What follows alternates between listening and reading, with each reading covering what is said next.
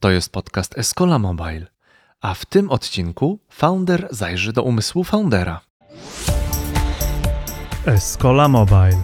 Biznes masz w kieszeni. Nasz gość jest człowiekiem łączącym biznes z edukacją, przy czym gra na wielu instrumentach. To zarówno energiczny startuper, jak i doświadczony przedsiębiorca i edukator. W tym odcinku będziemy analizować, jak zweryfikować pomysł biznesowy, tak aby nie opierać się tylko na intuicji. Startupowe podejście do problemów pomaga znaleźć efektywne rozwiązania. Sami korzystamy z efektów pracy Grzegorza, na przykład w sprzedaży książki wydajniej, której opłaty procesuje EasyCard. W duchu naszego przesłania dzielimy się wiedzą, omówimy także, jak sztuczna inteligencja może przyczynić się do efektywnego funkcjonowania przedsiębiorstw. Automatyzacja, analiza i autonomia działań AI pomagają w prowadzeniu biznesu, ale na końcu jest człowiek. O tym nasz gość nie zapomina i dlatego sztuczna inteligencja jest asystentem jego klientów, a nie nauczycielem. Jeśli chcesz zbudować aplikację mobilną lub webową i wzmocnić firmę z pomocą AI, wejdź na naszą stronę escola.pl. W prawym górnym rogu kliknij wyceń projekt i daj nam znać, jak możemy Ci pomóc. Dzień dobry, dzień dobry, to jest Escola Mobile Live. Witam Was serdecznie w ten przepiękny listopadowy dzień. I żeby podnieść trochę poziom energii, to zaprosiłem naprawdę wyjątkowego gościa. Cześć Grześku. Cześć, witaj Grześku, witajcie wszyscy. Słuchajcie, to jest y, człowiek orkiestra, człowiek, którego bardzo, bardzo podziwiam, bo on gra na, na wielu instrumentach, w tym całkiem nieźle gra na instrumencie y, pod nazwą edukacja.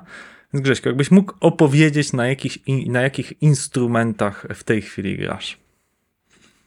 E, no faktycznie, tak jak powiedziałeś, e, trudno mnie zakwalifikować jakoś, może jako przedsiębiorcę po prostu e, internetowego, który przez ostatnie 15 lat prowadzi różne projekty, ale faktycznie najbardziej droga mi jest edukacja i zawsze do niej wracam, nawet jak mam jakiś mały skok w bok i zawsze staram się rzeczy, których się po prostu nauczę po drodze, robiąc rozmaite projekty i inicjatywy, przekazywać innym w e, formacie moich wniosków, e, a najczęściej są to wnioski z moich pomyłek i błędów, których już ci ludzie nie muszą później powtarzać. Więc faktycznie prowadzę wiele różnych projektów. To od Adama i Ewy, czyli ja powiem nazwę projektu jakąś i ty opowiesz, a potem jakie już mi się skończą, to ten. Więc zacznijmy od tego chyba, gdzie najwięcej osób cię kojarzy, bo naprawdę tuzy z tego korzystają. chyba Kurasiński pierwszy raz się tym zachwycał, czyli Easy Card. Jakby na Boga po co robić y, w dekadzie, czy w ostatnich latach na Boga, po co robić kolejny koszyk do checkoutu, jakby why? Okej. Okay. E, nie wiedziałem, a był jakiś jeszcze przed nami, bo generalnie my zrobiliśmy faktycznie koszyk w Polsce e, i jeśli był jakiś przed nami, to chyba mm, nie, nie zauważyłem go i przejechaliśmy po nim po drodze, bo tak naprawdę mi bardzo brakowało takiego narzędzia, które pozwala sprzedawać e, skutecznie e, w sieci. Mi bardzo brakowało narzędzia, które pozwala właśnie z naciskiem na sprzedawanie skutecznie. Ogólnie w internecie jest masa sposobów na sprzedawanie różnych rzeczy i wszystkie one powodowały, że tak naprawdę byłem zawiedziony tym, jak to działa out of the box. Przez wiele lat tworzyłem swoje własne rozwiązania do płatności na wszystkich moich serwisach zajmowało to mnóstwo czasu, zasobów i kosztowało ogromne e, pieniądze, żeby stworzyć swoje własne, dobrze zrobione checkouty takie pod kątem UX-owym, e, pod kątem konwersji, bo w zasadzie o to chodzi. Ludzie kupują oczami, więc przechodzą przez ten nasz koszyk, więc najważniejsze jakby w sprzedaży jest faktycznie to, żeby ten koszyk po prostu dobrze performował, żeby był szybki, e, szybko się ładował, żeby miał świetny UX, żeby miał zapamiętane dane sprzedażowe, żeby miał możliwość dopięcia jakiejś integracji, szybkiego skonfigurowania go pod różne produkty i moim zdaniem tego nie było. E, nie było tego w Polsce, e, moim zdaniem też nie ma tego w takiej formie, jak to robimy na świecie. W związku z tym e, teraz planujemy ekspansję w Easy, a faktycznie to był produkt, który był mi stricte potrzebny. Ja bardzo często mam tak, że dochodzę do jakiegoś takiego, takiej granicy wkurzenia i, i, i rozgoryczenia tym, że po prostu korzystam z rozwiązań, które nie działają tak, jak tego oczekuję, tak jak bym chciał.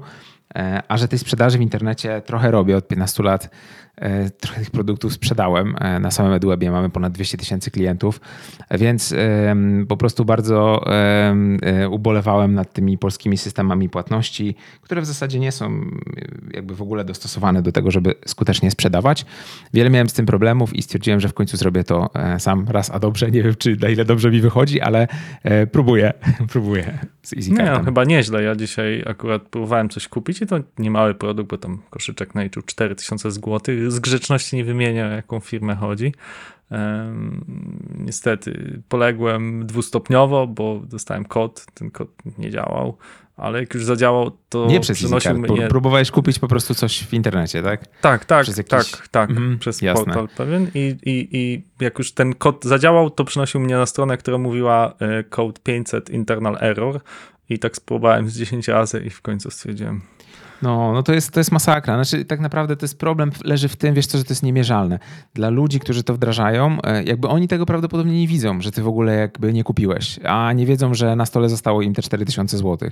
E, Jak rozmawiam z ludźmi, to oni nie mają pojęcia, jaka jest konwersja w ich koszyku, co to są przekierowania, jak to w ogóle działa, jak w ogóle działają te, te systemy transakcyjne. No przecież podpina się, użytkownik ma pole do wpisania, e, do wpisania tej, tego numeru karty i tak dalej. No tak, tylko że problem polega faktycznie na tym, że jak coś kupujemy w internecie, to na ogół albo jesteśmy wkurzeni, albo jak widzimy jakiś formularz kilometrowy na telefonie, to już wiemy, że to praktycznie nie ma szans, żeby zadziałało. Ja korzystając z polskich operatorów miałem, kiedyś naliczyłem, że na jednym koszyku miałem 15 przekierowań po drodze. E, To jest niemożliwe, żeby ktoś to zrobił w ogóle na urządzeniu mobilnym, gdzie użytkownik ma tam 3 sekundy takiego attention spanu, bo jak coś się ładuje dłużej, to już myśli, że coś nie działa, próbuje odświeżyć i tak dalej i to wszystko później się psuje. W praktyce mnóstwo pieniędzy zostaje na stole przez to, że mamy niezoptymalizowany proces zakupowy. No i dlatego stwierdziłem, że ja chcę te pieniądze pomóc ludziom odzyskać i faktycznie tak jest. My na EasyCard Samo przejście na EasyCard po prostu e, powoduje, że ludzie zarabiają więcej i mamy to na twardych danych. Średnio około 64% podnosimy konwersję e, tym e, osobom, które się zdecydują po prostu przejść na EasyCard. no z tym EasyCardem to, to znaczy to, to, to jest trochę jak one click Amazona, w sensie to jest szokująco szybkie. Mam taki problem, że wchodzę i pamiętam pierwsze skorzystanie to było ale jak to już, jakby nigdzie mnie nie przekierowało, Paypola, nie wiem, jakieś Ile bramki. razy ja, ja na przykład testując wiesz, ten koszyk dla naszych sprzedawców, ile razy mi pociągnęło z karty parę stówek, bo po prostu przez przypadek kliknąłem, wiesz, gdzieś Tak, tam no bo tam była mail i, i klik i, i to jak jest tam podpięte i to było faktycznie szokujące. Trzeba wejść w panel, żeby dostać tą fakturę i tak dalej, więc jest to takie szok, e, szok, szokująco szybkie, szczególnie, że chyba przedmiotem, który najczęściej w życiu kupuję, to są bilety na pociąg. A tam to jest Okej. coś pięknego, w sensie jakby ja myślę, że zaakceptowałem w życiu, nie wiem jak ty, ale ja myślę, że w życiu zaakceptowałem ze 100 regulaminów PKP. Tak, tak. No za każdym razem, jak wchodzisz, żeby kupić e, bilet, to akceptujesz nowy regulamin. E, a naj, Ale teraz już jest wtedy- lepiej, Grześku, nie wiem czy zauważyłeś, jest ogromny postęp, to jest, to jest rewolucja na miarę iPhone'a pierwszego, bo wcześniej w PKP jak zaakceptowałeś regulamin, to cię przynosiło od, na początek procesu sprzedaży, a teraz już możesz go kontynuować, O, tak także jest, jest, breakthrough, jest rewolucja na miarę iPhone'a, chat GPT razem wziętych. Fajnie. Ciekawe, ile milionów kosztowała od szwagra ta funkcja, e, żeby zapamiętało w ciasteczkach, e, że coś masz w koszyku i nie trzeba. Znaczy ja średnio wyszukuję kilkadziesiąt razy połączenie, zanim uda mi się kupić e, je na stronach PKP. To dam ci protip, nie kupuj nigdy dwóch biletów, bo tam jest opcja, że bilet powrotny razem. Nigdy tego nie rób. O nie, nie, nie robię bo, jak, tego. bo wtedy nie, jakby to- ryzykujesz, ryzykujesz, że jakby Wiem, wiem, wszystko to, jest, to jest zbyt duże ryzyko. Nie, nie, o, oczywiście. No i to właśnie jest to, nie? To jest to, o czym mówię, nie? Że po prostu da się inaczej, ale wszyscy robią źle. I dlaczego? E, mm, Jest to tak trudne do, e, do przeforsowania u nas, zwłaszcza wtedy, kiedy, kiedy jeszcze wchodzi w grę to, że ja muszę powiedzieć, że jak na EasyCard przechodzisz, to będziesz płacił trochę większą prowizję, no to już ta większa prowizja to już jest w ogóle killer absolutny e, konwersji dla nas, bo przecież nikt nie będzie płacił żadnej mniej, większej prowizji. Okej, okej, ale dobra, powiedz mi w takim razie parę słów. Okej, dobra, dochodzisz do wniosku, bo to jest ciekawy proces. Myślę, że wiele osób, które nas słucha, myśli sobie, okej, dobra, mnie też parę rzeczy w internecie wkurza, nie? E, tylko, że większość osób po prostu pozostaje na tym etapie wkurzenia, nie? To już jest w internecie i wszyscy zobaczą, mówią, ale fajnie, że to jest, jakby to jest tak oczywiste, nie? Jakby to jest oczywiste, że tak to powinno wyglądać. Ale jakby jest ktoś, kto robi to i to jesteś na przykład ty i powiedz, co się dzieje, żeby e, to zrobić. Jak zrobić taki projekt, produkt w ogóle, jak Mhm. wypuścić Tak krok po kroku, nie? Dobra, mam myśl. Kurde. Kupuję bilet do PKP po raz czwarty dzisiaj, Strasznie nie? Jakby boli, tak? Chcę się zadusić. Chciałem kupić, kurczę, coś na innym portalu, chcę się zadusić, chcę to zmienić. I teraz jestem, na, chcę, chcę naprawdę zrobić Mhm. No tak, cyfrowy. znaczy no właśnie je- jedną z ważniejszych rzeczy jest to, żeby dostrzec problem. E, Później trzeba ten problem, e, najlepiej było go zwalidować, e, w pewien sposób ustalić, że on faktycznie jest ważny, nie tylko dla, nie tylko dla mnie, ale że jest ważny również dla innych. Czyli należy od, od, odciąć się od tego, tak naprawdę jak my o tym myślimy, bo może nikomu nie przeszkadza, że ta sprzedaż e, w internecie jest taka trudna. E, Warto to po prostu sprawdzić i faktycznie ja nawet e, jak z niektórymi sprzedawcami rozmawiam, to oni mówią, że przecież jak ktoś chce, to kupi.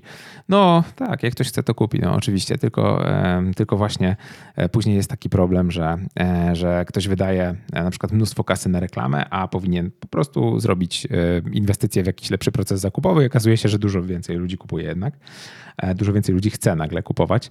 Chodzi o to, że ta walidacja pomysłu jest e, bardzo istotna na tej, w, tej, w tej początkowej fazie. Ja bardzo dużo rozmawiam z ludźmi, e, patrzę, obserwuję ich zachowania. Oczywiście to jest to, że ja mam taki problem. To już jest bardzo ważna przesłanka dla mnie i większość moich projektów, które robię, się bierze właśnie stąd, że zauważam, że coś jakby mógłbym zrobić lepiej dla siebie, albo dla swoich projektów, albo dla swoich pracowników, czy, czy dla moich firm. I z tej palącej potrzeby mojej zaczyna powstawać e, coś, co wydaje mi się, że może być użyteczne też dla innych. Ale to mi się tylko tak wydaje i tak zakładam, więc staram się to sprawdzać już tak od samiutkiego początku. I dużo rozmawiam z ludźmi.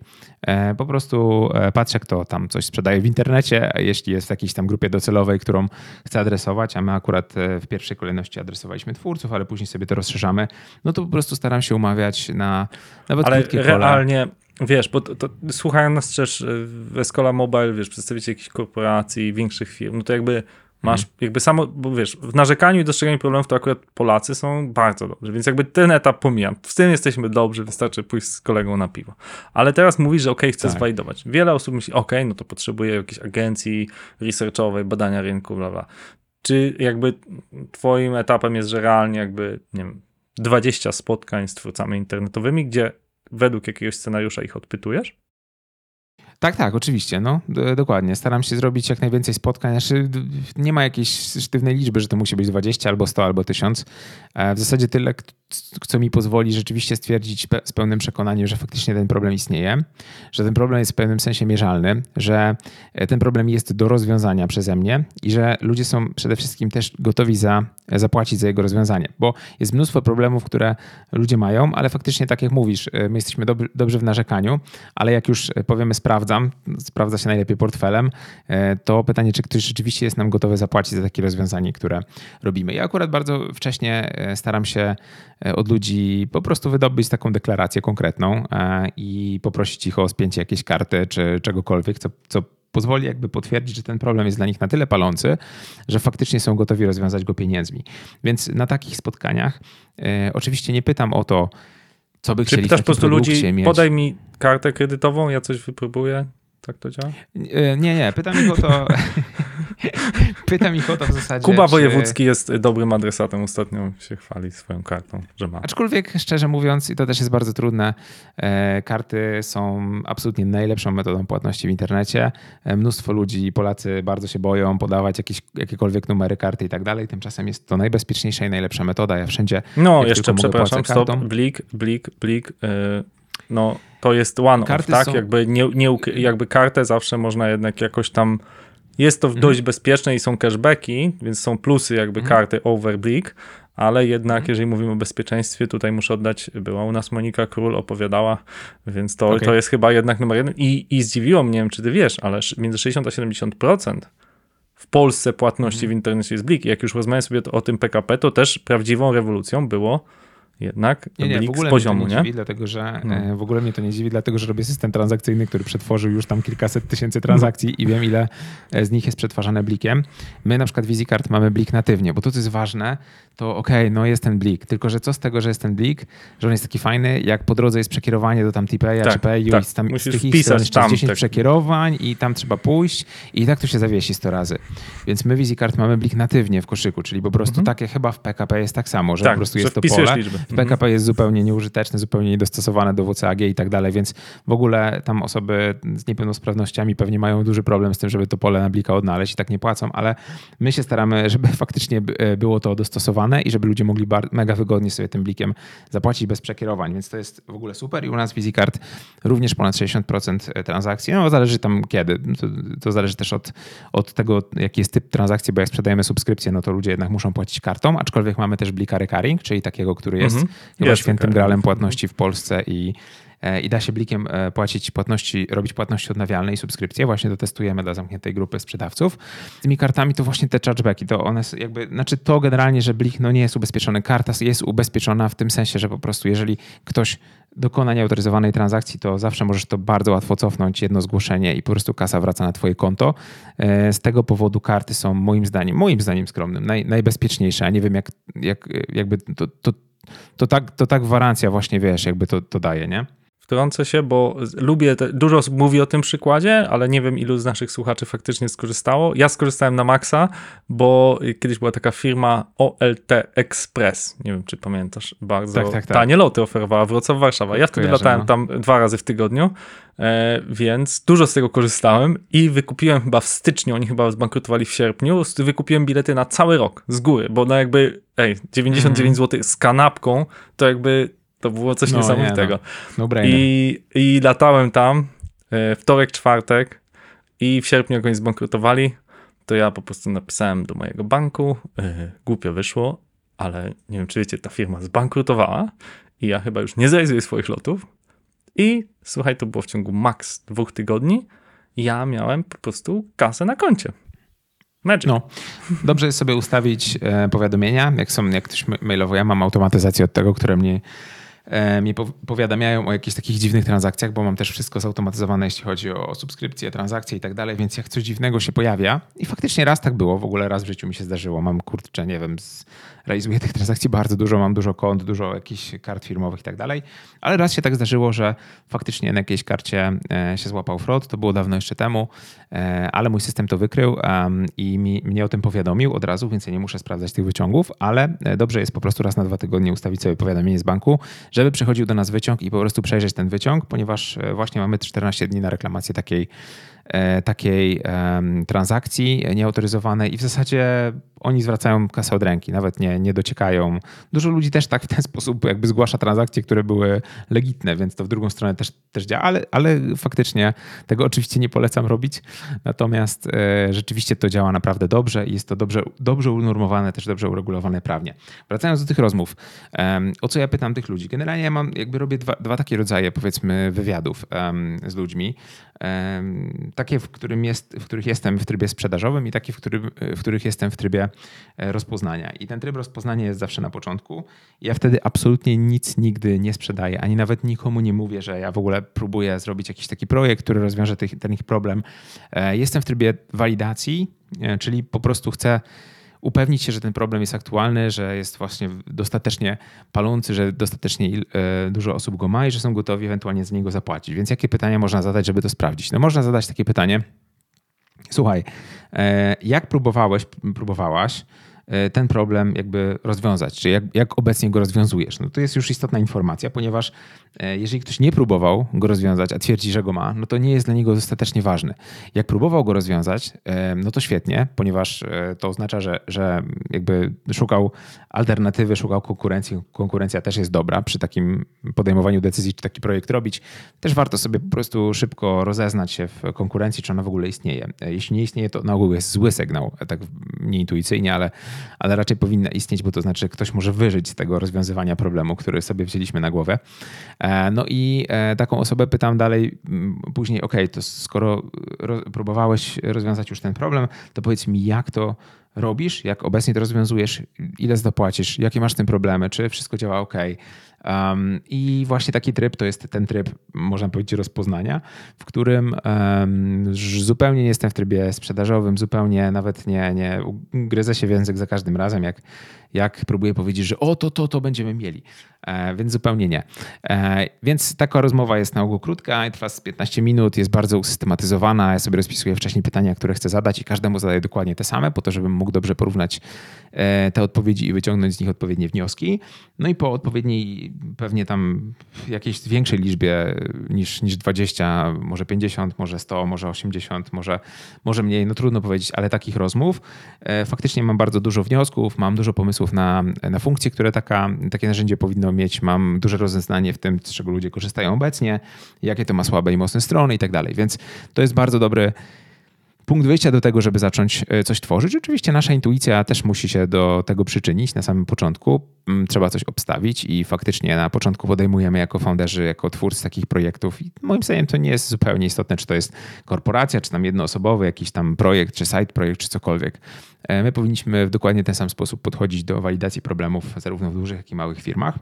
E, niekoniecznie e, zlecanie od razu badań, robienie jakiegoś rozległego researchu e, może być skuteczne. Czasem lepiej po prostu samemu poświęcić trochę czasu, podzwonić po znajomych, po swojej sieci kontaktów, napisać na LinkedInie, kto by mógł się spotkać i pogadać i faktycznie spróbować tak przynajmniej dotknąć problemu samodzielnie, żeby zobaczyć, czy, czy faktycznie nasze to proponowane rozwiązanie będzie się wpisywać w to, co ludzie Mm, chcą nas otrzymać. No generalnie jakby jest mnóstwo pro produktów, które powstaje, które ktoś tam ma w głowie i wymyślił sobie. E, no i niestety one z wielu powodów nie, nie przyjmują się na rynku, ale głównym chyba takim powodem jest to, że po prostu nikt tych produktów nie potrzebuje, że to nie jest zbyt paląca potrzeba, zbyt palący problem, aby ktoś, go, ktoś zapłacił za jego rozwiązania. Wiadomo, że jak ktoś nie płaci, no to jakby no, no nie jesteśmy w stanie niestety wykrzesać z tego e, jakiegoś okay. modelu biznesowego i tego rozwijać. Model biznesowy, jak te projekty, które ty robisz, są takie startupowo brzmią, tak? W sensie jest jakiś problem, szukamy rozwiązania, szukamy tego, co się nazywa mądrze product market fit. Tak jak mówisz, często szukamy, żeby problem miał jakąś konkurencję, tak? Zaczęło jeszcze niby nie było konkurencji, no ale jednak była, tylko była zła. To jest taki idealny problem. Jest konkurencja, ale robi to źle. My to zrobimy lepiej. I teraz dlaczego mówię startupowym? Bo wiesz, jak posłuchasz większości osób, to mówią, że szczególnie w takich problemach, które mają charakter globalny, a na przykład checkout ma charakter globalny no to potrzeba naprawdę dużej e, ilości pieniędzy, żeby się przebić z takim rozwiązaniem. I chciałem Cię zapytać o to, jaki jest Twój stosunek do tematu, wiesz, skalowania, inwestowanie, te sprawy. No nie wiem, zobaczymy. E, mhm. Zobaczymy, czy tak będzie. E, nie, nie wiem, co też możemy zdefiniować przez przebić się, nie? Bo, bo też e, jak gdyby pytanie, czy, czy dojść do jakiegoś tam jakiegoś break-even, czy po prostu zdobyć cały świat i, i zawłaszczyć sobie jakieś rozwiązanie no, płatnicze. Przebić się tak, no być liderem, ja to bym powiedział tak, być liderem kategorii, czy dla mnie no w scaling upie, no to, to taka definicja była, żebyś przez 10 lat robił przynajmniej tam 100% wzrostu rok do roku, nie? Czyli jakieś, przepraszam, 50% wzrostu, jakieś eksponencjalne wzrosty, takie naprawdę consecutive, no i wiesz, jak jesteś tam zero to one jest dość szybkie, nie? Tam ten powiedzmy pierwszy milion na easy karcie pewnie może upraszczam trochę, tak? Ale potem z pierwszego na 10, z 10 na 100 to jest zupełnie inna droga i potem ze 100 na miliard, no to już wymaga globalnego rynku, tak? To już w Polsce trzeba się bardzo postarać, żeby ze 100 na miliard się przeskalować, nie? No pewnie Blik też to zrobił, ale no właśnie, no to też jest element skalowania, żeby stać się tak powszechnym systemem, więc jak tutaj e, I co to daje, Krzyśku, wtedy? Jakby... No. no. ja ciebie pytam, jakby jaki jest tutaj twój stosunek do tego, nie? Co to daje? No, da, daje to to, że większość tych startupów, mówimy o świecie startupów chwilę, tak? No to mówi w ten sposób. Jeśli będzie miliard i jest to w miarę pasywne i od każdej transakcji odcinam 3%, no to od miliarda 3%, no to jest 30 milionów. Od 10 milionów 3%, no to jest 300 tysięcy, tak? 300 tysięcy brzmi fajnie dla jednej osoby, która się zajmuje tą firmą, brzmi super i znam takie działalności, nie wiem, y, y, tak, y, daily work, takie do e, oprogramowanie dla siłowni. Nie wiem, Darek, Darek Pękalski zrobił jakiś tam software dla ubezpieczycieli. To jest super biznes dla jednej osoby. No ale jeżeli mówimy o, wiesz, e, o 30 milionach to już brzmi jak niezły biznes dla kogoś, kto tam, wiesz, naprawdę podsypał milionami i jakby wykarmi wiele osób, nie? Mhm. No to właśnie jest chyba ten e, punkt, który wiele osób tak trochę przeskakuje, można powiedzieć, mentalnie e, i nie zadaje sobie pytania po co. Ja sobie zadaję to pytanie e, i nie mam zupełnie ambicji, żeby właśnie tak jak powiedzieć, być jakimś globalnym checkoutem, rozwiązaniem, które wszystkie problemy świata uleczy i w ogóle będzie największe i takim unicornem i tak dalej. W ogóle mnie to totalnie nie interesuje.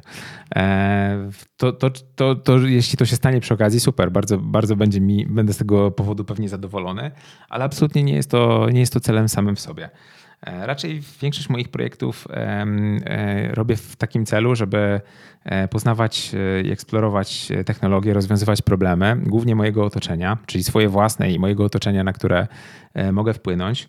E, Jeśli faktycznie widzę, że jakiś projekt e, tak, tak mocno rośnie, e, to bardzo się z tego cieszę i zastanawiam się czasem nawet, jak sprawić, żeby nie rósł aż tak mocno. Czy to jest do końca zdrowe, czy to jest dobre, czy, czy my tego faktycznie potrzebujemy, czy, czyli jakby bardzo często się pytam o celowość tych, tych, tych działań.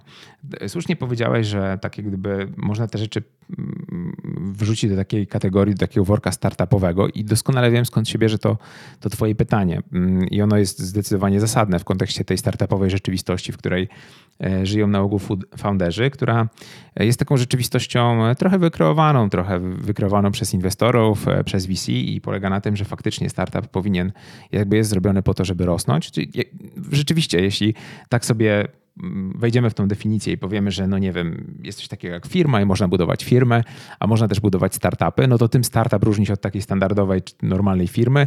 E, W zasadzie, że startup tak naprawdę nie patrzy sobie na e, na w zasadzie żadną inną metrykę, tylko na wzrosty. Taka firma to patrzy na, na to, czy się rachunek spina, e, czy będzie miała z czego opłacić pracowników, a startupu to nie do końca interesuje, dlatego że kasa zawsze się znajdzie wtedy, kiedy mamy wzrost. I faktycznie e, taki świat, moim zdaniem trochę patologiczny, e, funkcjonuje i teraz e, mocno się zmienił, bo rzeczywiście e, no mamy trochę, trochę kryzys i w tym startupowym świecie też e, można powiedzieć, że takie źródełko się skończyło. E, Natomiast e, najczęściej rzeczywiście było to tak, że e, można było znaleźć e, dość solidne finansowanie wtedy, kiedy nasz startup faktycznie wykazywał takie wzrosty. E, Natomiast to jest dla osób, które w ten sposób chcą budować projekty i w ten sposób chcą je finansować. Rzeczywiście muszą skupić się na tej metryce. Ja nie mam takiej presji, nie mam takiego oparcia. Wszystkie swoje projekty bootstrapuję, czyli nie pożyczam na nie pieniędzy z zewnątrz, nie biorę kasy od inwestorów. Raczej inwestuję swoje środki i po prostu wkładam swoją pracę w to, żeby e, te projekty się udały. Na ogół są to bardzo małe zespoły. Bardzo wierzę w bardzo małe zespoły. Jesteśmy w tym momencie w, e, w takim śmiesznym etapie rozwoju, gdzie E, W zasadzie co, e, co kilka tygodni e, kasuje się jakaś branża e, z, po, z powodu AI. E, Jestem e, przekonany, że e, dziesięcioosobowe e, zespoły będą w stanie robić e, unicorny już bardzo niedługo i korzystając z dobrodziejstw technologii będzie można jak najbardziej e, podgryźć ten duży kawałek tortu, które ogromne korporacje czy, czy duże firmy, które zatrudniają setki czy tysiące osób e, mają. W większości są one zupełnie nieefektywne i okazuje się, że z wykorzystaniem AI i sprytnym zastosowaniem technologii można faktycznie małymi zespołami konkurować nawet z dużymi fi- dofinansowanymi e, firmami.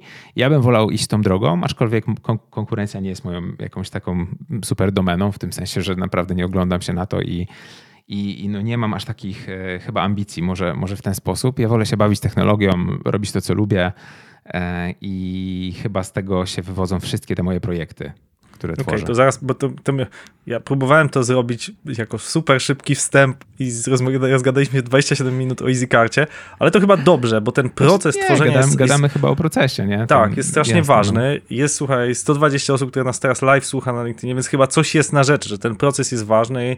Ja chciałem jedną rzecz dodać do tego, co powiedziałeś, bo powiedziałeś, finansuję, sam finansuję, ale tu musimy oddać hołd e, Konradowi Latkowskiemu, jego słynnemu wpisowi skąd finansować e, startup.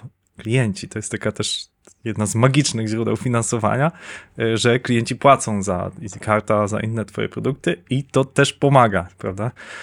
Znaczy o to chodzi w firmach, nie wiem czy w startupach, nie? Właśnie tak jak powiedziałem, w startupach może o to nie chodzi, bo e, Uber jest dalej startupem, który, który dalej, wiesz, nie wiem, zanotował jakiś rentowny rok, ale jest miliardy pod wodą, nie? Więc e, Tak, no to, to, to myślę, że ten, tą epokę, bo na epokę jakby małych stóp i, i tych długich zwrotów mamy ze sobą, ona teraz się zreformuje i to jest ciekawe, że ktoś ze startupów nas słucha, no to jak popatrzymy, one teraz się pivotują, to znaczy taki startup polski, Unicorn e, Booksy, no po prostu ekstremalnie szybko się pivotuje, żeby stać się spółką rentowną, co jest możliwe. Pamiętajmy, przy pewnej skali odcinamy te gałęzie, które nie są efektywne, zamykamy jakieś departamenty, które mają, grają na wzrost, ale jest ich niepe- niepewne są i dalej możemy mieć sp- spółki. No tutaj wspomniałem, że spółka, jeżeli ma, nie wiem, miliard, ma 3% marginu, odcina te rzeczy, które są inwestycjami, tak, które są capexem, już mówiąc fachowym językiem finansowym i może sobie jak najbardziej świetnie finansować, siebie finansować, tylko nie każdy umie się tak szybko przestawić. albo tak? Upaść. Jest, albo niektóre Bo- nie zdążą, nie? Bo to jest jakby o zdążeniu Wtedy jak- trochę, nie? Jak Uber też mógłby być właśnie teraz, rentowny. Jak jest, e, też jest tak, jak jest teraz takie zamieszanie na rynku, e, to może się okazać, że część z nich już jest za ciężka i, i było, było fajnie, bo myśleliśmy, że spoko, mamy dużo tłuszczyku, który możemy odciąć, w każdej chwili możemy być rentowni, jak chcemy, to możemy pokazać co i jak, a tu nagle się okazuje, że jednak ta machina mimo e, cięć po prostu nie da, się- nie da się jej naprawić na czas. No i wtedy Tak, jest tak. trochę trudniej, nie? To, to trzeba umieć zrobić, to dotyczy bardzo wielu firm teraz, tak? Jak mówisz, Ja, dać się ja zauważyłem, że, y, przepraszam ci wchodzę w słowo, ale zauważyłem, że te fluktuacje duże, jakby, że im większą mamy firmę, im większy mamy projekt, ym, tym więcej na nas wpływa czynników zewnętrznych. Ja tego nie lubię. Ja po prostu lubię mieć kontrolę nad y, wszystkim, nad czym mogę mieć. Y, Nawet, y, wiesz, ta, takie proste czynniki gospodarcze, ekonomiczne, nie? Mogą mieć wpływ i to są takie czarne łabędzie, które zupełnie nie dotykają moich projektów. Zupełnie, jakby są, są, są irrelevantne. Natomiast prowadząc już e, większe, większe firmy i większe projekty, my musimy, wiesz, ja rozumiem wszystkie działy ryzyka i wszystkie tego typu rzeczy, które faktycznie e, w takiej firmie są e, konieczne. W tych moich projektach raczej nie. Mhm. No tak, no w mniejszej firmie więcej widzisz oczami właściciela, tak? Czy całego zespołu, to jest e, jasne. E, Okej, powiedzieliśmy dużo o procesie, o budowaniu. Świetnie, że powiedziałeś też o filozofii, tak? To pytanie po co? Myślę, że mało osób sobie, za mało osób sobie zadaje. Po co ja prowadzę e, ten biznes? Wspomniałeś już magiczne słowo, e, które jeszcze nigdy w tym podcaście nie padło, AI.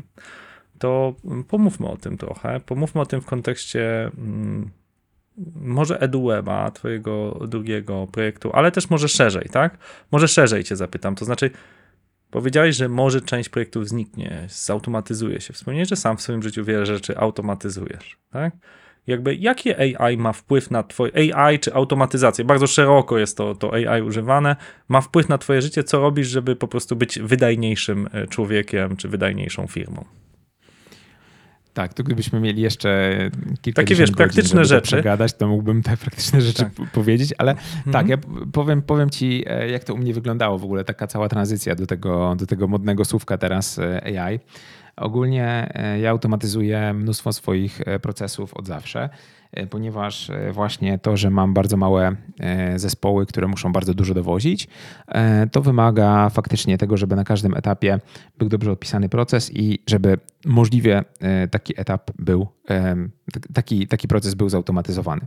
Więc ja wiele lat temu już zacząłem automatyzować, najpierw e, pisząc jakieś e, małe skrypty, a później przerzucając się na narzędzia takie jak Make czy mm, wtedy jeszcze Integromat, teraz to jest make.com. Bardzo fajne narzędzie, które mm, mogę Wam spokojnie polecić do tego, żeby sobie testować różne automatyzacje i tworzyć własne. E, Zapier jest też takim narzędziem. Ogólnie e, są to narzędzia naukodowe, nie trzeba mieć e, umiejętności programowania po to, żeby z nich korzystać. Trzeba mieć jakąś podstawową wiedzę o protokole HTTP, o API i tak dalej. I, I można faktycznie bardzo dużo rzeczy zoptymalizować. Ja tak zacząłem to robić w swoich projektach. Mm, Nawet dążąc do tego, żeby jeden z nich, który wtedy robiłem na Stany, taki infoprodukt, żeby w całości po prostu działał autonomicznie, mm, jeśli chodzi o wszystkie warstwy po kolei, czyli zarówno właśnie billing, transakcje, obsługę klienta, e, sprzedaż, marketing, e, promocję nowych rzeczy. I faktycznie tych e, robotów teraz, które mam, pomaga mi chyba kilka tysięcy. One wykonują setki tysięcy operacji dziennie. I są to bardzo drobne operacje, bardzo proste operacje, które, które pomagają mi zarządzać właśnie każdym poszczególnym elementem w mojej firmie. To, co jest możliwe do zrobienia, to dzieje się automatycznie. Jak wspomniałeś o AdWebie, no to mamy mnóstwo automatyzacji i tak praktycznie bardziej e, to ujmując, które na przykład wspomagają nasz proces wydawniczy. Czyli po to, żebyśmy wydali jakiś materiał na EduWebie, czyli stworzyli jakiś kurs, e, potrzebujemy się dogadać z autorem, potrzebujemy mu, e, nie wiem, podpisać z nim umowę, zaprosić go na nagrania, odebrać od niego jakieś pliki, zarezerwować dla niego hotel, masę jeszcze innych rzeczy. I te wszystkie rzeczy dzieją się automatycznie. Nie ma ludzi, którzy praktycznie biorą udział w tych takich powtarzalnych elementach tego procesu.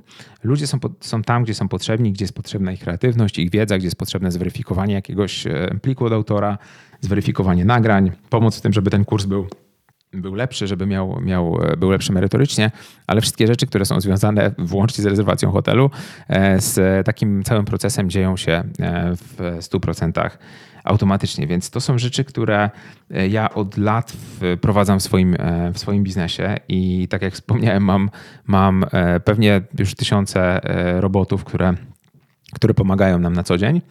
No i teraz, jeżeli chodzi o AI, to Faktycznie jest to sprawa bardzo złożona. Ja jestem y, w technologii dość długo, ale jeszcze nie widziałem takiego czegoś. Uważam, że, że AI jest dużo większe od, od iPhone'a, dużo większe od e, wszystkiego, co widziałem w swoim życiu, jeśli chodzi o technologię. Bardzo szybko będzie miało wpływ na każdą absolutnie dziedzinę pracy, na każdą firmę, na każdy na każde zadanie, które wykonujemy. W jakim jeszcze stopniu, trudno powiedzieć, też nie mam szklanej kuli, nie będę wróżył, kto kiedy tam straci pracę i tak dalej, ale powinniśmy się nastawić na to, że e, dotknie to pośrednio czy bezpośrednio. Oczywiście nie, niektóre zawody e, pośrednio. Dotknie to w najbliższych latach diametralnie i wszystko będziemy musieli pod to zmienić. Jeśli weźmiemy pod uwagę na to, weźmiemy pod uwagę to, że AI w tym momencie już ma możliwość samodzielnie pisać kod, czyli tworzyć oprogramowanie, czyli nie, musi się to dziać z udziałem programisty i może powstawać nowe oprogramowanie, które zaczyna wspierać naszą firmę.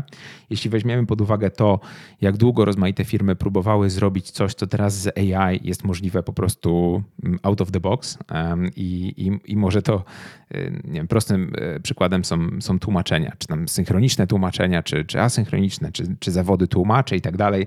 No przecież e, to jest jest coś, co w tym momencie możemy e, osiągnąć w czasie rzeczywistym. Możemy tłumaczyć sobie na wszystkie języki dowolny fragment tekstu, e, przeczytać to dowolnym głosem wygenerowanym przez AI i, i można powiedzieć, że prosty, namacalny przykład tego, jak, jak cała gałąź, gałąź jakaś przemysłu czy, czy ekonomii, która była szlifowana przez lata, została zastąpiona momentalnie. E, oczywiście jakby ważne są w firmach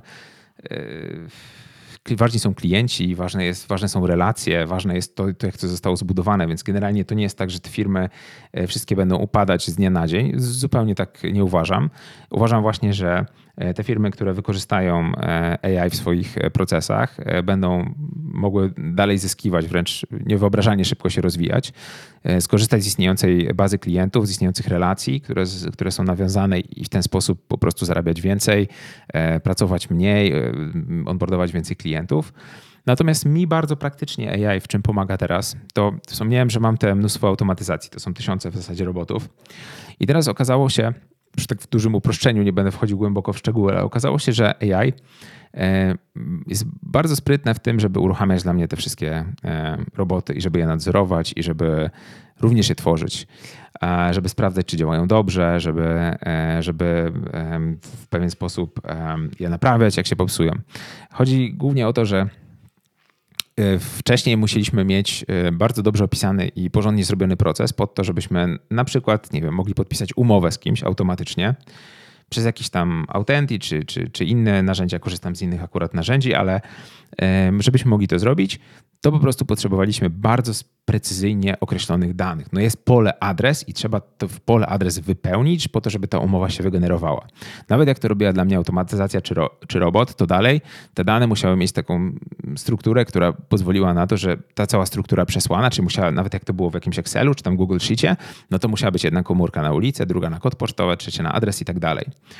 No i niestety jakby w IT jest ten trochę problem, że są ludzie i maszyny, nie? I te maszyny lubią ten strict taki format, że te, że te dane są dobrze sformatowane, a ci ludzie tak nie za bardzo e, pracują, żeby te strict formaty trzymać i często się mylą, robią jakąś literówkę, No tak, historia pokazuje, że mamy ulic Jana Pawła, zapisów chyba 20, jeśli pamiętam, ostatnią indeksację GIS-u.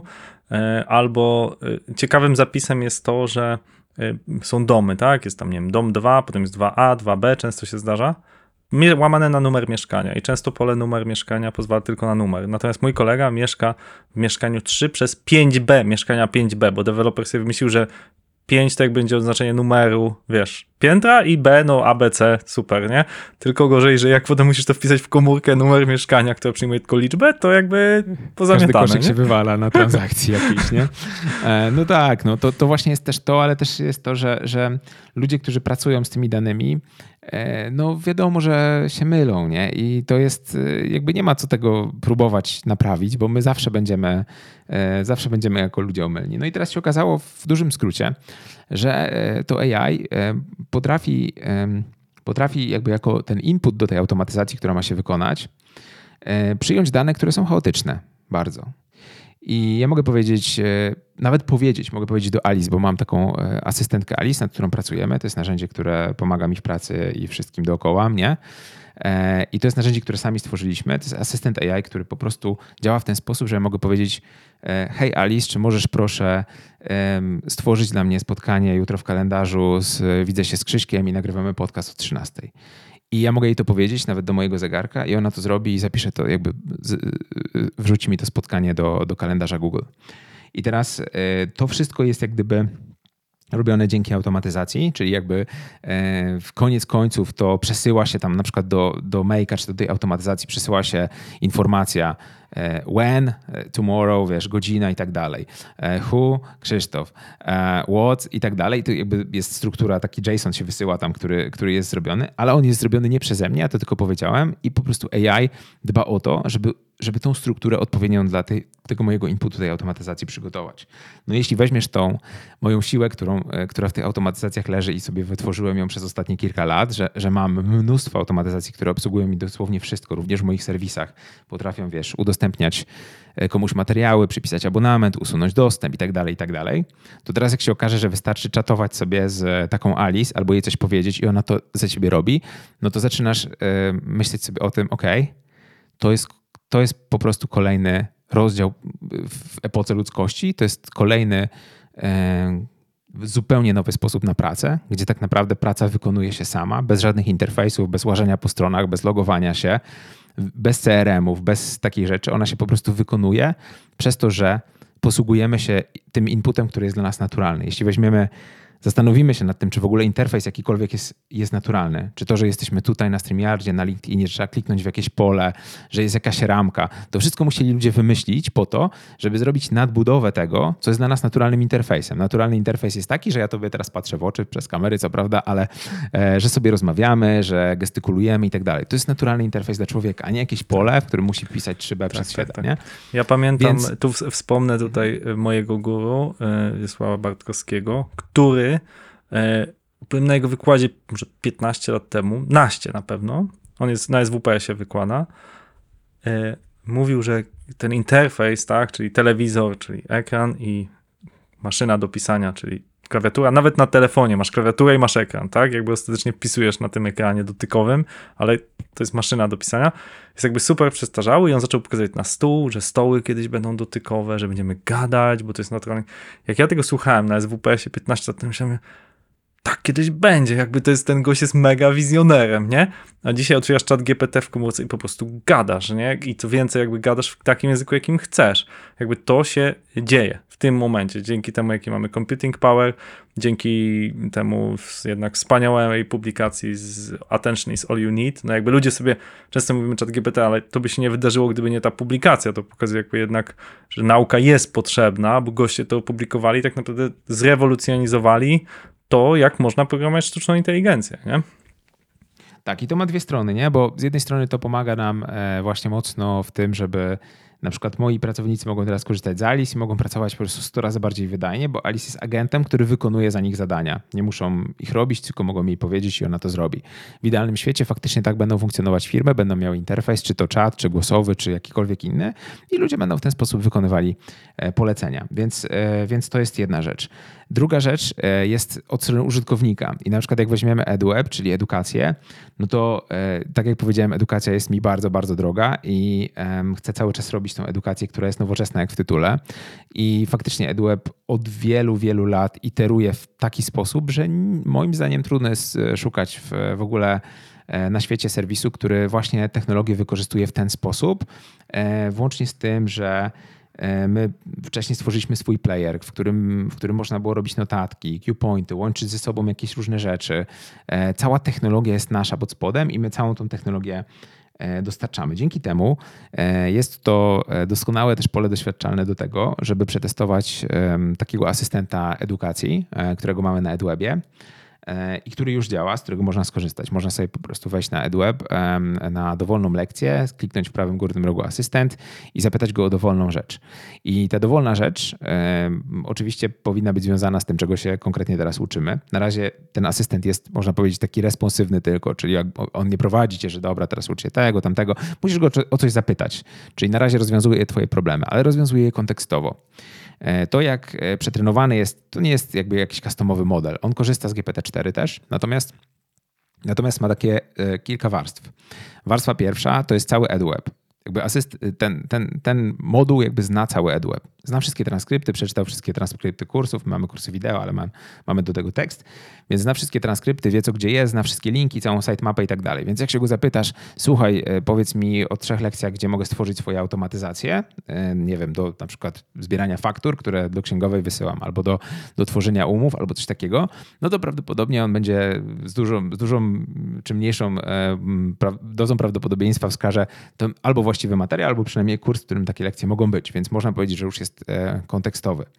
Po drugie, drugą warstwą tego asystenta jest cała, cały internet e, pod warunkiem, że e, jest to internet, który my zwhitelistowaliśmy, czyli chodzi o to, żeby asystent nie miał dostępu do wszystkich stron, do, do nie wiem, pudelka i Facebooka, bo, bo to nie ma sensu, ale jak się uczymy, to jest sens, żeby miał na przykład dostęp do dokumentacji takiego narzędzia, na przykład, e, na przykład tego Make'a, albo dokumentacji JavaScriptu, albo jakiegoś e, manuala, czy czegoś, co po prostu jest na naszej liście. Więc generalnie jest taka lista zasobów, z których ten asystent też sobie może skorzystać, może tam e, wejść i udzielić odpowiedzi na podstawie tego, tej na przykład dokumentacji, Figmy czy innego narzędzia. E, no i w końcu trzecia rzecz to jest ta ogólna wiedza, czyli to wszystko, co mamy w e, czacie GPT, w GPT-4. Czyli jeżeli on nie znajdzie dobrej odpowiedzi na EduWebie, ani w tych dokumentacjach, ani w takich po prostu zasobach, które my uznamy za, za te, które są relevantne do tego, czego się uczysz, no to on dopiero wtedy ci udzieli tej odpowiedzi takiej jak na, czat, e, na czacie, no, która jest czasem dobra, czasem, czasem niedokładna, czasem trochę halucynuje, jak wiemy, to, to nie jest czasem dokładnie to, co chcemy, zwłaszcza jeśli nie zadajemy dobrze tych pytań. No ale to faktycznie pozwala mieć te różne warstwy, które powodują, że już to jest kontekstowe, już ludzie mogą poruszać się w jakimś sensownym e, takim e, tym, tym otoczeniu tego, czego chcą faktycznie się nauczyć i że dostają więcej wiedzy i lepiej sformatowaną niż na przykład dostaliby od e, ChatGPT. Nie? I to jest ta przyszłość od tej strony użytkownika, że, że, że ci użytkownicy też będą... Kontekstowe informacje zaciągnięte dokładnie tak będą się kontaktować z naszymi firmami, nie? Jakby cały support, wszystko będzie działać dokładnie w ten sposób. I, i to jest tak, że, że po prostu e, nie ma e, w tym momencie nawet osoby, które są super doświadczone u nas e, i pracują i z klientami od dawna, po prostu nie mają tak o całej wiedzy, którą mamy w Notion, na stronach, na, w FAQ, w regulaminie i tak dalej. A taki asystent może mieć to po prostu od ręki. On, mhm. on po prostu daje dobre odpowiedzi momentalnie. Natomiast jestem ciekaw, bo ja jestem najbardziej y, zaniepokojony tym, że te wszystkie AI-owe narzędzia na czele z czatem GPT, jak ich zapytasz tam, jak rozwiązać, że 6 równa się 2x minus 3, to, no, to on ci udzieli odpowiedzi. No tyle, nie? I trochę nie wiesz, jakby co się stało pomiędzy. I fascynują mnie ostatnio narzędzia, dwa na razie takie używam. Jeden to Canmigo, on jest tylko w Stanach dostępny, ale jest też Sizzle, y, zrobiony przez gościa, który odszedł z Meta, z Facebooka był tam ważnym człowiekiem od AI i tam jakby dostajesz odpowiedzi krok po kroku, tak? Jakby krok po kroku, jak rozwiązać zadanie. To głównie jest używane do jakichś tematów matematycznych, fizycznych, chemicznych I to mnie fascynuje, bo to rozwiązuje pewien problem, że to AI trochę nas ogłupia. Nie? Mówię już o samym procesie uczenia się. I chciałem się zapytać, czy też myśleliście o tym, nie? że wiesz, rozwiązuje jakieś zadania. U was nie wiem, są kursy różne jakieś, nie? E, U nas tak samo, przecież wy z kolei z tych kursów masa i wiesz, gość chce się dowiedzieć, no to dobra, no ale jaka jest odpowiedź? No C, nie? Okej. Okay fajnie, nie? Ale dlaczego? No i tu się zaczynają schody i widzę, że czat w ogóle jest zero pojęcia ma, nie? Słaby jest nawet w tym tłumaczeniu, krok po kroku, natomiast już pojawiło się to Sizzle, jestem zafascynowany, e, że to, to, to nawet nieźle działa, nie? On tam też może ci sugerować jakieś takie jakby, jak bardzo rozbić na kroki. Czy, czy o tym okay. myślałeś? No tak, tak. W zasadzie to jest e, taka e, trochę domena tego prompt engineeringu, e, można powiedzieć, bo faktycznie im lepiej my sformułujemy ten prompt, tym tak naprawdę precyzyjniejszą odpowiedź dostaniemy. Jak podajemy mu jakieś równanie, może oczekujemy po prostu wyniku, natomiast jak mu napiszemy, żeby po prostu podał ciąg logiczny i zastosował jakieś reguły wnioskowania i nam je opisał, to prawdopodobnie to zrobi. Tak jak mówisz, może to być z lepszym czy gorszym efektem. Na pewno narzędzia, które są przygotowane tak, żeby dawać to lepsze wnioskowanie, to będą to, to robić po prostu lepiej, ale to jest znów to dowód na to, że właśnie no nie, jakby chat GPT jest, ma być na tyle ogólny, on jest dla całego świata, każdy może zapytać o cokolwiek, e, że jest takim przykładem, który, w, w którym właśnie trudno jest uzyskać tą taką specyficzność, która jest, która jest ważna. Nie? Jak po prostu widziałem, jak e, były jakieś komentarze kilka miesięcy temu jeszcze, e, że na przykład prawnik napisał na LinkedInie, że haha, wszedłem na chat GPT i gada same głupoty, beznadzieja i w ogóle bez sensu, nie? No tak, no bo po prostu w ogóle nie potrafił z nim rozmawiać, nie? To też jest tak, że najpierw trzeba się nauczyć z tą sztuczną inteligencją rozmawiać. Po drugie, pracował na modelu, który jest taki general public i po prostu może opisać wszystko ogólnie. Ale ten sam mechanizm zastosowany na przykład z inputem, e, który obejmowałby wszystkie akty legislacyjne w Polsce i wszystkie orze całe orzecznictwo, e, myślę, że skompromitowałby jego myślenie e, w sekundę, ponieważ udzielałby bardzo, bardzo trafnych i konkretnych odpowiedzi. Więc przyszłością tego jest faktycznie to, jak te modele będą bardzo dostosowane do konkretnej branży, którą obsługują, jak będą uzupełnione wiedzą, która jest wiedzą nie tylko branżową, bo możemy założyć, że faktycznie chcemy na przykład na stronie producenta, nie wiem, mebli mieć przykładowo E, czat, który porusza się w całej tej, tej nomenklaturze, która jest nomenklaturą branżową produkcji mebli, ale też porusza się w dokumentacji e, tej właściwej, konkretnej dla tego e, konkretnego producenta. Więc taki model, który mógłby być dodatkowo uzupełniony tymi informacjami, no będzie bez porównania lepszym i asystentem klienta, i asystentem pracownika, zarządu. I, i tak naprawdę kwestia jest, chodzi tutaj o to, żeby nie patrzeć na ChatGPT jako takie ultimate narzędzie, które nam rozwiązuje wszystkie problemy. To jest bardziej takie demo tego, co możemy mieć i, jak możemy to dostawać. Ale przyszłość na pewno jest w takich bardzo wyspecjalizowanych e, agentach, czy robotach, czy modelach, czy, e, czy rzeczach, które po prostu będą dopasowane do konkretnej branży.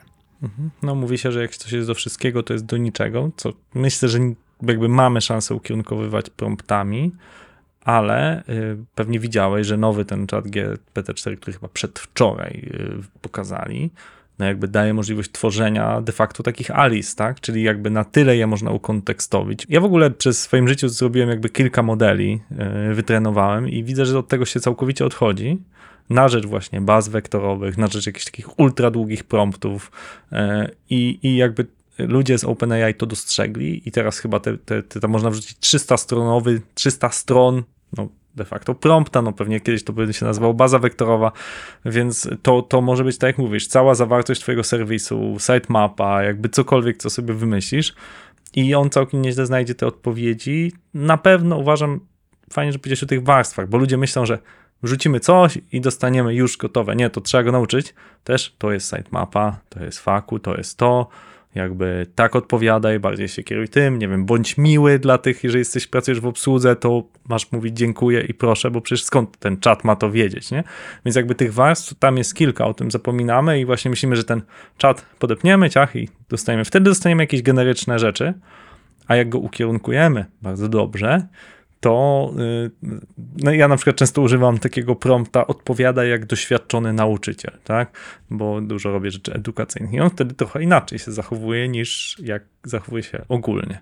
Co jeszcze mam mnóstwo pytań, ale jedną muszę zadać. Widzisz, co się zmieniło w tym roku? Ja wspomniałem, że jakby widzę w tym roku ogromny shift na, na to właśnie, żeby jednak z ogólnego robić szczegółowe modele. Nawet OpenAI mówi, że będzie można sprzedawać własne modele, tak? Czyli, że taką Alice mógłbyś zacząć komercyjnie e, sprzedawać, tak? Hipotetyzuję. Alice e, wypuszczamy już niedługo. Teraz e, ponad 2000 osób korzysta z niej w prywatnej becie. Już. O, super. A my po prostu wypuszczamy, wypuszczamy ją jako mhm jako produkt. E, tam na LinkedInie mam e, link z newsletterem, tam będziemy to wrzucać, więc e, zapraszam, jak ktoś chce zobaczyć, jak to działa. Faktycznie nie działa to jak takie GPTs, tak jak powiedziałeś, że taką Alice można robić.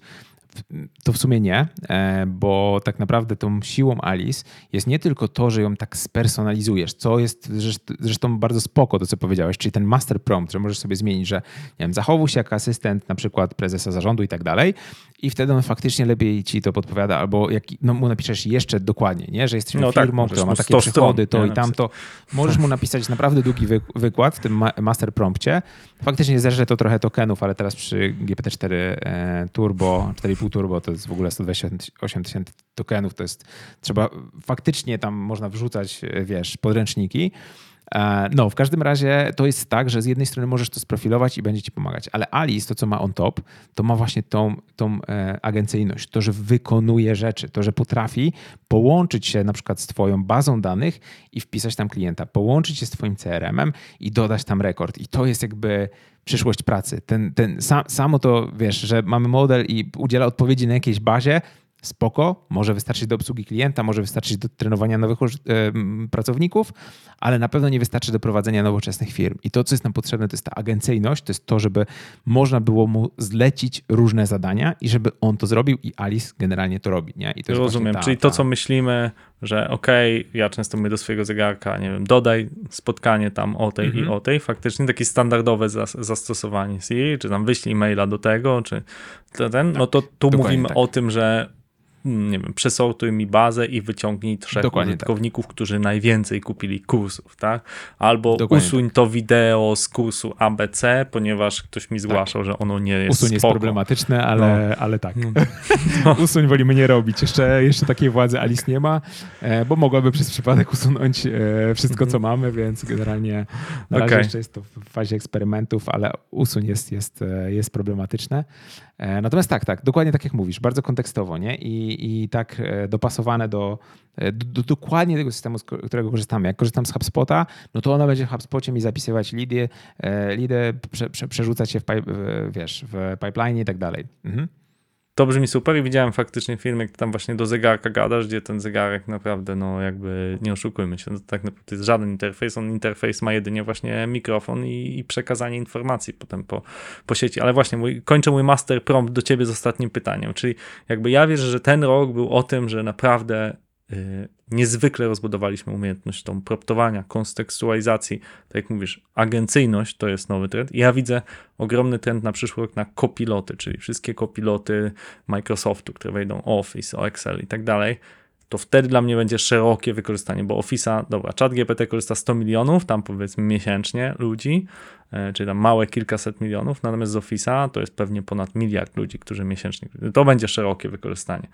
I jestem ciekaw, ale nie schodźmy proszę na AGI i jakieś inne pierdoły, tylko pogadajmy o tym, co, co realnie Twoim zdaniem w przyszłym roku czy w 2025 roku będzie takim next big thing, które jest, widzisz już gdzieś za rogiem. No to yy, sprawdziłem za rogiem. Um, wiesz co, e, wydaje, wydaje, mi się, że ja właśnie dalej bardziej wierzę w to, e, w to podejście, e, to co my robimy, czyli w Alice. Wydaje mi się, że te kopiloty, o ile są spoko, to tak naprawdę potrzebujemy tego narzędzia. Ten kopilot Microsoftu nigdy nie będzie może nam, wiesz, uśpić system, może nam podkreślić coś w Wordzie, ale nigdy nie zrozumie naszego biznesu, tego, to co robimy bardziej holistycznie, kompleksowo, nie połączy się z wieloma serwisami, które są konkurencją na przykład dla Microsoftu, e, które wiesz, e, nie będą miały dostarczonych odpowiednich aplikacji.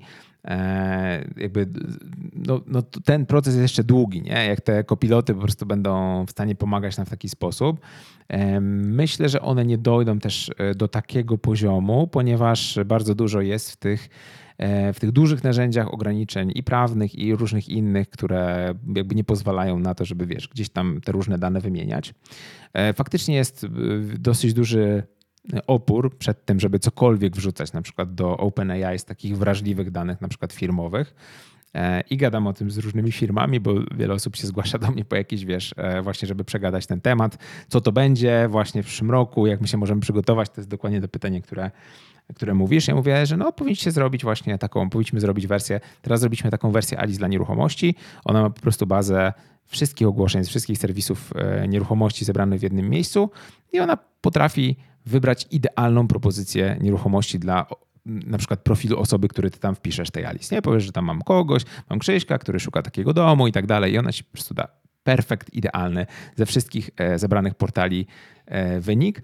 No i teraz jakby to jest taki use case biznesowy, że jak, jak te biznesy patrzą na to, to mówią, ok, tak, to, to jest coś, co po prostu wy, e, wykopie nas z roboty. E, no jak tego nie zaczniemy robić, to, to po prostu jest coś, co, e, co może bardzo istotnie wpłynąć, zrobić, to jest takie disruption właśnie typowe, startupowe, że, że może pozamiatać. Nie? I faktycznie moim zdaniem to jest ta, e, ten kierunek, ta agencyjność, te kopiloty, ale które są bardzo e, dostosowane, e, takie prywatne, może nawet za firewallem, oparte o, o prywatne modele nawet nie prywatne, o modele open source. Jestem przekonany, że OpenAI nie będzie aż tak długo, to, to, to dziwna nazwa jest tego OpenAI, bo to nie, nie ma nic wspólnego z, z Open, ale jestem przekonany, że wygrają te modele, które będą e, open source, więc ten ekosystem tych modeli się mocno zmieni i będziemy za jakiś czas mieli modele, które faktycznie możemy wykorzystać w swojej firmie za firewallem, postawić je prywatnie. Teraz już mam postawionych kilka modeli u siebie na laptopie, które działają i e, są jeszcze szybsze niż ChatGPT i tak dalej, nie? jeśli chodzi o tam udzielanie odpowiedzi wtedy, więc, więc generalnie będziemy korzystali w firmach z takich modeli, które będą działały sobie u nas, najczęściej będą też open source, będą bezpieczne, będą przetestowane przez nas. To jest jakiś proces, który musi, musi jakby zajść i jeszcze trochę wody musi opłynąć, aczkolwiek jak patrzę w te e, rzeczy, jak to szybko się dzieje, to ja akurat jestem przekonany, że po prostu to, co różni tą rewolucję AI od tych wszystkich innych, które gdzieś tam po drodze mieliśmy, jakiś mobile, chmura, e, później, wiecie, blockchain i tak dalej, no to te wszystkie buzzwordy, takie trochę, duże rzeczy też, nie? Ale, ale, ale w sumie to, co odróżnia to AI, tak dla zdroworozsądkowo zwykłego człowieka, który nie, nie zna dużo, nie, nie wchodzi głęboko w technologię, ja wchodząc głębiej w technologię wiem, że są inne rzeczy jeszcze, ale to jest to, jak szybko to postępuje. Nie? I jeśli spojrzymy tylko na to, jak duży jest przyrost umiejętności, że haha, tam śmieszki, heheszki były chwilę temu jeszcze, naprawdę z czata, chwilę temu z Mid Journey, że to jakieś bohomazy generuje, nie? I po prostu za 2-3 miesiące mamy rzeczy, które są nie do odróżnienia absolutnie. I zaraz tak będzie z modelami językowymi, że zaraz będą artykuły nie do odróżnienia. Teraz jeszcze możemy spokojnie jakby tam tak się domyślić, że to nie pisał człowiek, że to czat napisał i tak dalej. Ale to, to, to zniknie, ta bariera zniknie, więc wszystkie takie E, rzeczy, które są związane z dostarczaniem treści, dostarczaniem kontentu, z przetwarzaniem kontentu, z tłumaczeniami, z mm, ekspansją międzynarodową firmy. Tak jak myślimy już teraz o Easy, to myślimy, że nasza strona będzie we wszystkich językach e, świata prawie. Nie? No może nie wszystkich świata, ale, ale tych popularnych i my nawet nie będziemy musieli tego utrzymywać. I będziemy mieli takiego easy chata, który jak ktoś do nas napisze, po węgiersku, to nam się przetłumaczy to na polski, ktoś odpisze po polsku u nas i on dostanie odpowiedź po angielsku. Nie? Czyli no, to, to, jest to już jest. już teraz do, zro do to, zrobienia. Nie?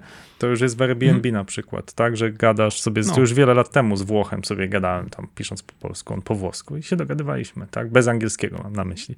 E, Okej, okay, czyli jakbym miał podsumować twoją wypowiedź, to że przyszłością są agenci, czyli że nie tylko coś nam odpowie, ale też za nas zrobi, i to faktycznie jest coś niesamowitego.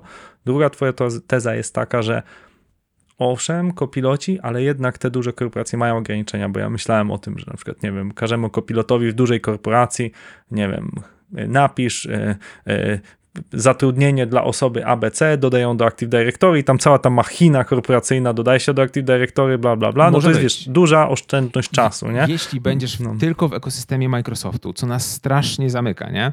Strasznie zamyka nas na, na w ogóle rzeczy, które, które jakby, to jest bardzo niebezpieczne moim zdaniem, taki, taki platform, platform dependency, nie? I dużo firm w to wchodzi, ale ja jako taki, wiesz, solo founder, entrepreneur, nie wiem, osoba, która ma swoje jakieś małe zespoły, właśnie mogę skorzystać z tego, że nie jestem w tym ekosystemie, że nie muszę się z nim wiązać i moim zdaniem to będzie jedna z moich przewag do konkurowania z dużo większymi firmami, które są zamknięte w jakimś ekosystemie, muszą czekać na jakieś rzeczy, wiesz, muszą... No ale wiesz, te em, ekosystemy to jest na osobną dyskusję, bo z drugiej strony te ekosystemy będą się super przed tobą bronić, przed tym independent właśnie, bo oni będą chcieli się właśnie specjalnie zamykać. To jest trochę pytanie, czy, że wiele firm, które poszło w cloud, no to mówią, ok, to my wdrażamy wiele cloudów, nie? Ale wtedy wygrywali ci, co robili monocloud, dlatego, że jakby byli super zintegrowani w ramach tego, więc na wszystko będzie jakaś tam, jakieś zapotrzebowanie, tu mi e, też przypomina się, mam, mam takie jakieś straszne czasami myśli odnośnie tej automatyzacji, że zrobiliśmy nie tak dawno temu, pół roku temu projekt dla takiej jednej firmy, no i jakby zautomatyzowaliśmy tam pracę czterech osób i faktycznie tam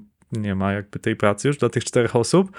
I to ty opowiadasz o tym fajnie, mm, ale mam, mam czasami właśnie takie, takie myśli, że masa tych automatyzacji jakby jest super niepotrzebni są ludzie, którzy to robią. Te rzeczy, które wydawały się za trudne do zautomatyzowania, w tym roku okazało się, że jakby można, nie? Jakby totalnie można. Mam, mamy takie, takich parę wdrożeń e, i, i, i, i akurat w tamtym projekcie to były takie osoby Też nie... ca- case na, trudne na, do przekwalifikowania, Automation House'u tak powiem. pokazuje to, nie? że tak naprawdę też, też mamy taką, taką firmę Automation House, która wdraża te e, automatyzacje tak zgodnie z naszą filozofią i my, jak, jak ja patrzę, jakie tam są case'y, których jeszcze nie mogliśmy rozwiązać rok temu, czy półtora roku temu, a teraz co się dzieje, to, to oczywiście, że jakby to można po prostu w etatach liczyć to, jak wpływa praca tego Automation House'u na, na to, co, e, co w tych firmach jest. No i teraz jakby, czy to jest dobre, czy złe, no jakby każda rewolucja niesie ze sobą, e, wiesz, ten, ten zbie- zbiera te ofiary.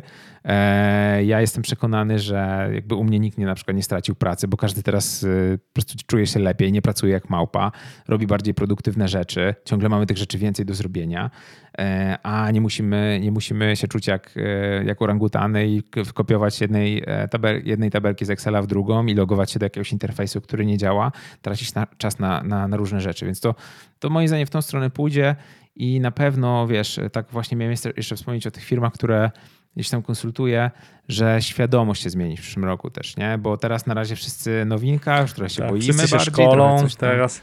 tak, tak. szkolimy się, to, to, e, dokładnie. Więc teraz faktycznie jest taki moment zwrotny, w którym ta, ta świadomość się zmieni, no bo to jest, wiesz, tak, że ja rozmawiam z firmami, one mówią, nie, absolutnie, do tej Alice to żadnych danych tam nie wpiszemy, naszych, czy naszych klientów, nic nie może tam wyjść. Em, Okej, a gdzie macie pocztę? No, na Gmailu. No i jakby ludzie, jakby wiesz, nie rozumieją, że no, mamy Google Workspace i wszystkie te dane tam, tam, tam już są. No to to jest kwestia tylko tego, czy ufacie OpenAI, czy ufacie Google, czy ufacie. A Google ma historię taką, która, która daje podstawy do tego, żeby, żeby im nie ufać, nie? Po prostu. Więc y, czy to jest tu, czy tam, brakuje jeszcze tej świadomości, że ludzie po prostu to wiedzą, że rozumieją, nie? Że te dane i tak gdzieś tam są, że, że, że jak z tego bezpiecznie korzystać. To, to nie chodzi o to, że czy w ogóle korzystać, tylko jak to zrobić, żeby, e, żeby było dobrze. Mhm.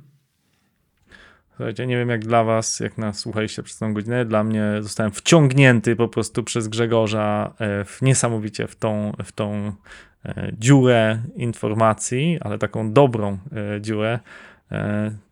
Słuchajcie, no nie, nie wiem, który to jest nasz odcinek, chyba 160. Dla mnie to jest e, niesamowite cały czas móc się uczyć od takich mądrych głów e, jak Grzesiek.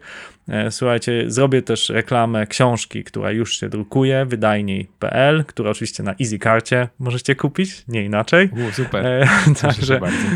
dzięki Grześko za rozmowę. To lecę kupować, jak no, podrzucisz link. Ja tam mam jedno kliknięcie do celu, także zaraz, e, zaraz zacznę czytać. Czy jeszcze, jeszcze nie jest dostępna dopiero przez sprzedaż? Czy Drukuje się, to jest przedsprzedaż. Tak, Okej. chcemy, żeby Okej, każdy okej. dostał na święta, więc walczymy, walczymy. Yy, No, Już jest wersja elektroniczna też? E, jest oczywiście elektroniczna Super, wersja. Tak. super, No, ekstra. Bardzo Ci dziękuję, miło było pogadać i, i do usłyszenia w takim razie. ciao. Escola Mobile. Biznes masz w kieszeni. Dziękujemy za Twój czas i za to, że spędziłeś go z nami. Startupowe podejście pomogło Grzegorzowi opracować EasyCard. Jego wysiłki wsparła grupa niesamowitych ludzi, czujących biznes, mających technologiczne umiejętności i edukacyjne zacięcie. To jest właśnie to, dlaczego robimy podcast. Zaglądamy do umysłu gościa. On się dzieli doświadczeniem. My nagrywamy tę rozmowę, a zdobytą wiedzą dzielimy się z Tobą właśnie w postaci podcastu, filmu na YouTube, postów na LinkedInie bądź artykułu na naszym blogu escola.pl. Dziękujemy, że jesteś z nami. To był 164 odcinek podcastu Escola Mobile. Naszym gościem był Grzegorz Róg. Zaglądaliśmy do umysłu foundera. Do usłyszenia.